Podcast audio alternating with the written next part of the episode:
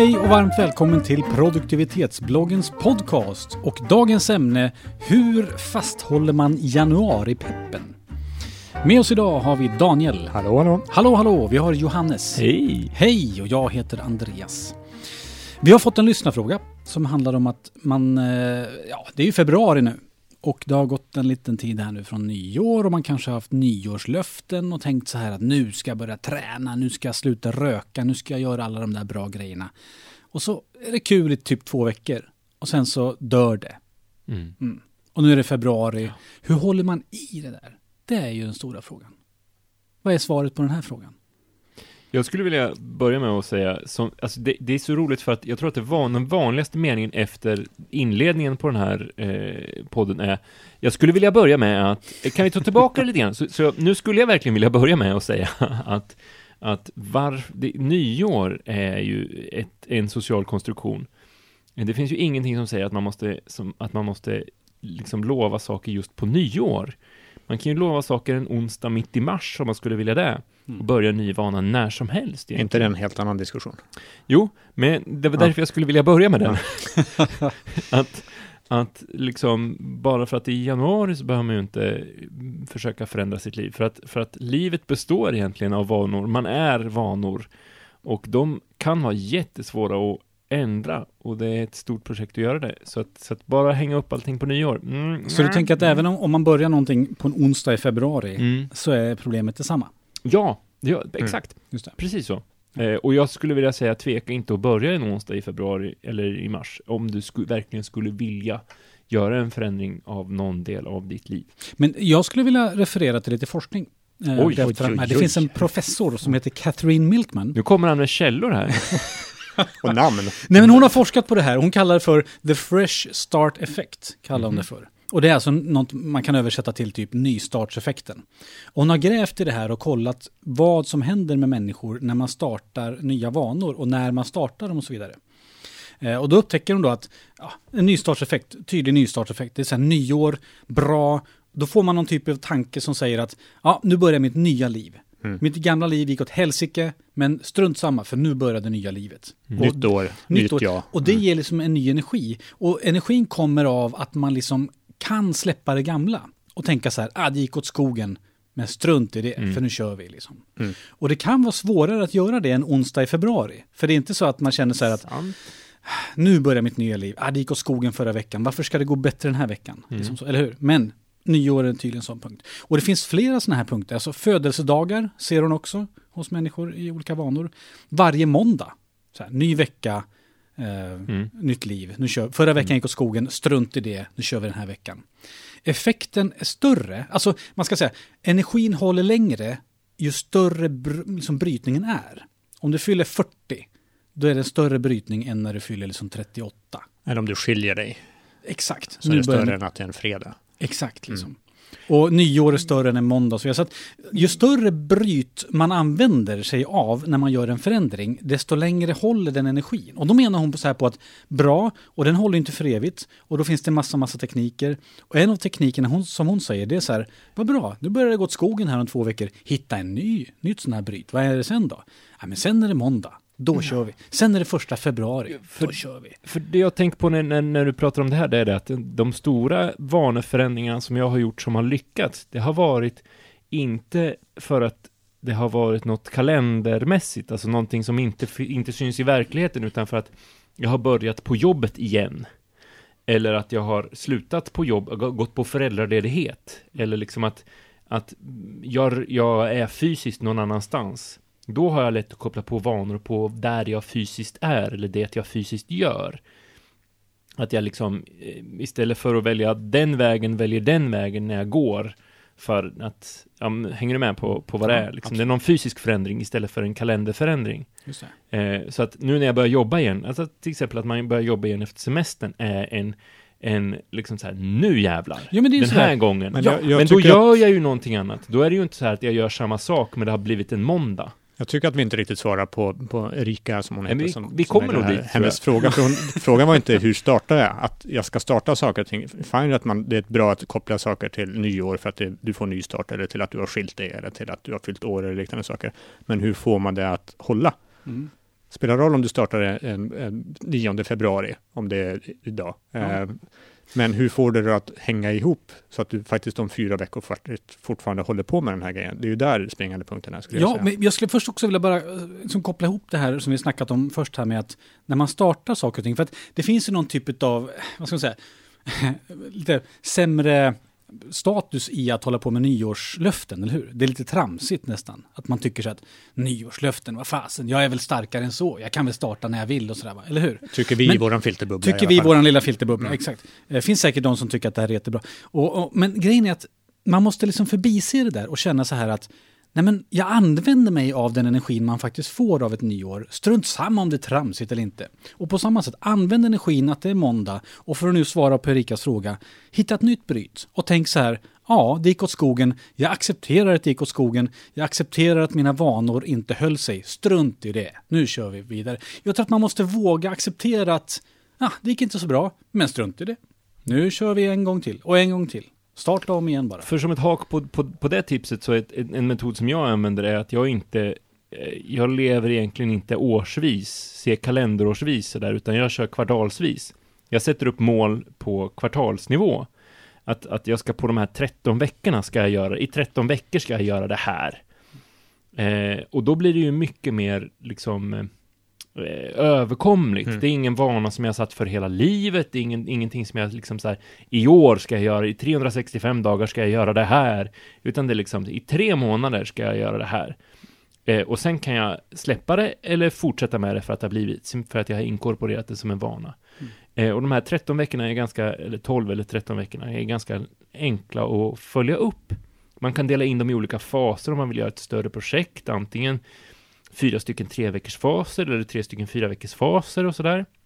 Och man kan liksom hela tiden kolla, men hur, hur långt har jag kommit nu och, och sådär. Gör man någonting två gånger i veckan så blir det 26 gånger och det blir ganska, det är ganska lagom att göra någonting Mm. 26 gånger om man ska träna två gånger i veckan till exempel.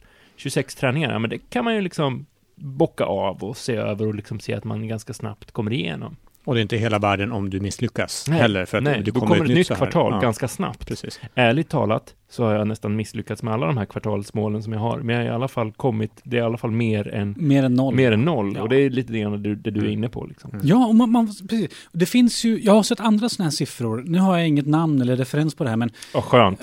Nu är vi tillbaka. Vad Nej, men- Nu känner jag igen oss igen. Mm. Jo, men som säger så här att när man börjar en ny vana så tycker man att det är jättekul en vecka, två veckor och sen så kommer liksom ett bakslag. Och då gäller det att ta sig igenom den, för sen så kommer en ny push att yes, ny energi och så kommer ett nytt bakslag.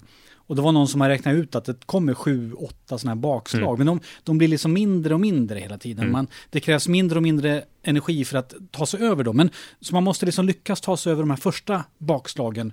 Och då liksom börjar man sätta vanan mer och mer. Och på något vis erkänna att ah, det gick åt skogen, men ah, strunt i det. Nu kör vi igen. Liksom. Det finns en modell som vi har pratat om i den här eh, podcasten och på bloggen tror jag också, som heter något så fantastiskt som den transteoretiska modellen, som beskriver exakt det där, som är Ja, skönt. vi har ett helt ett avsnitt som, vi som ja, det är fantastiskt. Släng dig med den så kan du vinna alla diskussioner. Eh, Gött. Eh, Det är sex olika steg i den hela som handlar om att men, du har ett förnekelse, när du ska försöka till exempel börja träna så har du dels ett första förnekelsesteg som säger att men jag behöver inte träna. Jag, har, jag mår bra och så vidare. Eh, och sen så har du nästa steg som är begrundande steget att men jag kanske borde börja träna. Det här, båda de här två stegen har du passerat när du väl har, har faktiskt tagit ett nyårslöfte eller liknande om att jag ska göra det här. Sen så har du förberedelsesteget, jag ska börja träna, jag ska bara köpa skor. Eh, och sen när du väl har köpt skor, men nu är du på det här nyårslöftessteget. Jag har börjat springa eller jag har börjat gå till gymmet eller liknande. Ehm, och sen det femte steget är aktivitetssteget. Nu har jag gjort det här under ett, jag har sprungit i ett kvartal till exempel. Eh, du är fortfarande inte någon som identifierar dig som löpare, men du har i alla fall sprungit i ett kvartal. Och sen så har du det sjätte steget som handlar om att vidmakthålla det här, att faktiskt fortsätta rulla på det här. Och det som är centralt i den här transteoretiska modellen är att du kommer att misslyckas den förutsätter att du kommer att hoppa fram och tillbaka mellan de här stegen. Om du har varit inne och testat att köra yoga under ett tag och sen så inser du, nej det är ingenting för mig, ja, men då kanske du ramlar tillbaka ända till steg ett här, att nej, men, yoga är absolut ingenting för mig. Um, så, att, så att det den här modellen pratar om är att förbered dig på att misslyckas. Mm. Och sätt handlingsplaner för vad gör du när du känner att men nu, nu gick jag inte till gymmet så här ofta Mm. som jag hade tänkt den här veckan. Vad gör du då? Och sätt de här sakerna så tidigt som det bara går. För, för jag tycker att fram, nyckeln till framgång är inte att göra någonting oavbrutet eller följa planen helt och hållet, utan nyckeln till framgång är att komma tillbaka på vagnen när Yes. det har gått åt pipan. Mm. Så om det går åt pipan, om man känner att ja, men nu lyckades jag ju inte med det här, alltså nu har jag ju gett upp den här, de här ambitionerna och sådär. Det är då man ska tänka att nu har jag ju chansen att vara superbra. Nu har jag ju chansen att göra det här perfekt, nämligen att komma tillbaka på eh, en vana som jag trodde att jag hade släppt. Det är ju först då som man gör liksom någonting riktigt bra. Mm. Så, så att ha släppt, att ha misslyckats en gång är ju en förutsättning för att lyckas riktigt bra och bli ännu starkare sen. Mm, och vi har även snackat om det här ordet misslyckas tidigare, som jag liksom är lite kritisk mot. För jag tänker så här, vad är ett misslyckande? Det är ju inte den här bakslagen egentligen. Alltså att misslyckandet är väl när man fullständigt ger upp till slut, att nej, det vart inget av det här. Eller är det ens ett misslyckande? för du kan nej, ju det är börja om ett också en år. lärdom Alltså. liksom. Mm. Antingen hur, lyckas man eller så lär man sig, har jag börjat säga. efter men att lite så. Ja, precis. Vad är ett misslyckande? Det är, liksom, det är väldigt få saker som egentligen är ett misslyckande. Liksom. När jag läste på om det här lite grann så, så halkade jag in på psykologi såklart, för det handlar ju om psykologi det här. Och eh, ett av orden som, som dök upp här var återfallsprevention. Så jag började googla återfallsprevention och insåg att det här är ju, handlar ju om typ missbruksbeteenden och liknande. Men det är ju nästan, nu är jag inne på väldigt djupt vatten här, jag har ingen direkt koll på vad jag säger. Om du är psykolog som skulle vilja komma och prata med oss om, om sådana här saker, så hör gärna av dig. Men det är ju lite grann som ett, som ett återfall till att börja dricka fast åt andra hållet. Mm.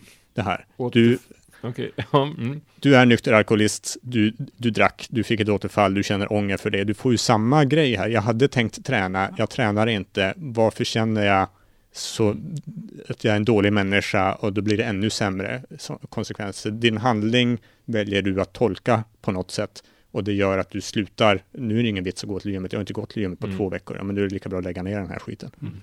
Vi- Nykter, nykter soffpotatis. Liksom, Så det vore intressant, som sagt, om du är psykolog eller känner någon psykolog som skulle vilja komma och prata om sådana här saker med oss så skulle vi nog jättegärna Ja, ja, vilja prata med dig. fantastiskt. Eh, Vi sitter ju bara och fabulerar.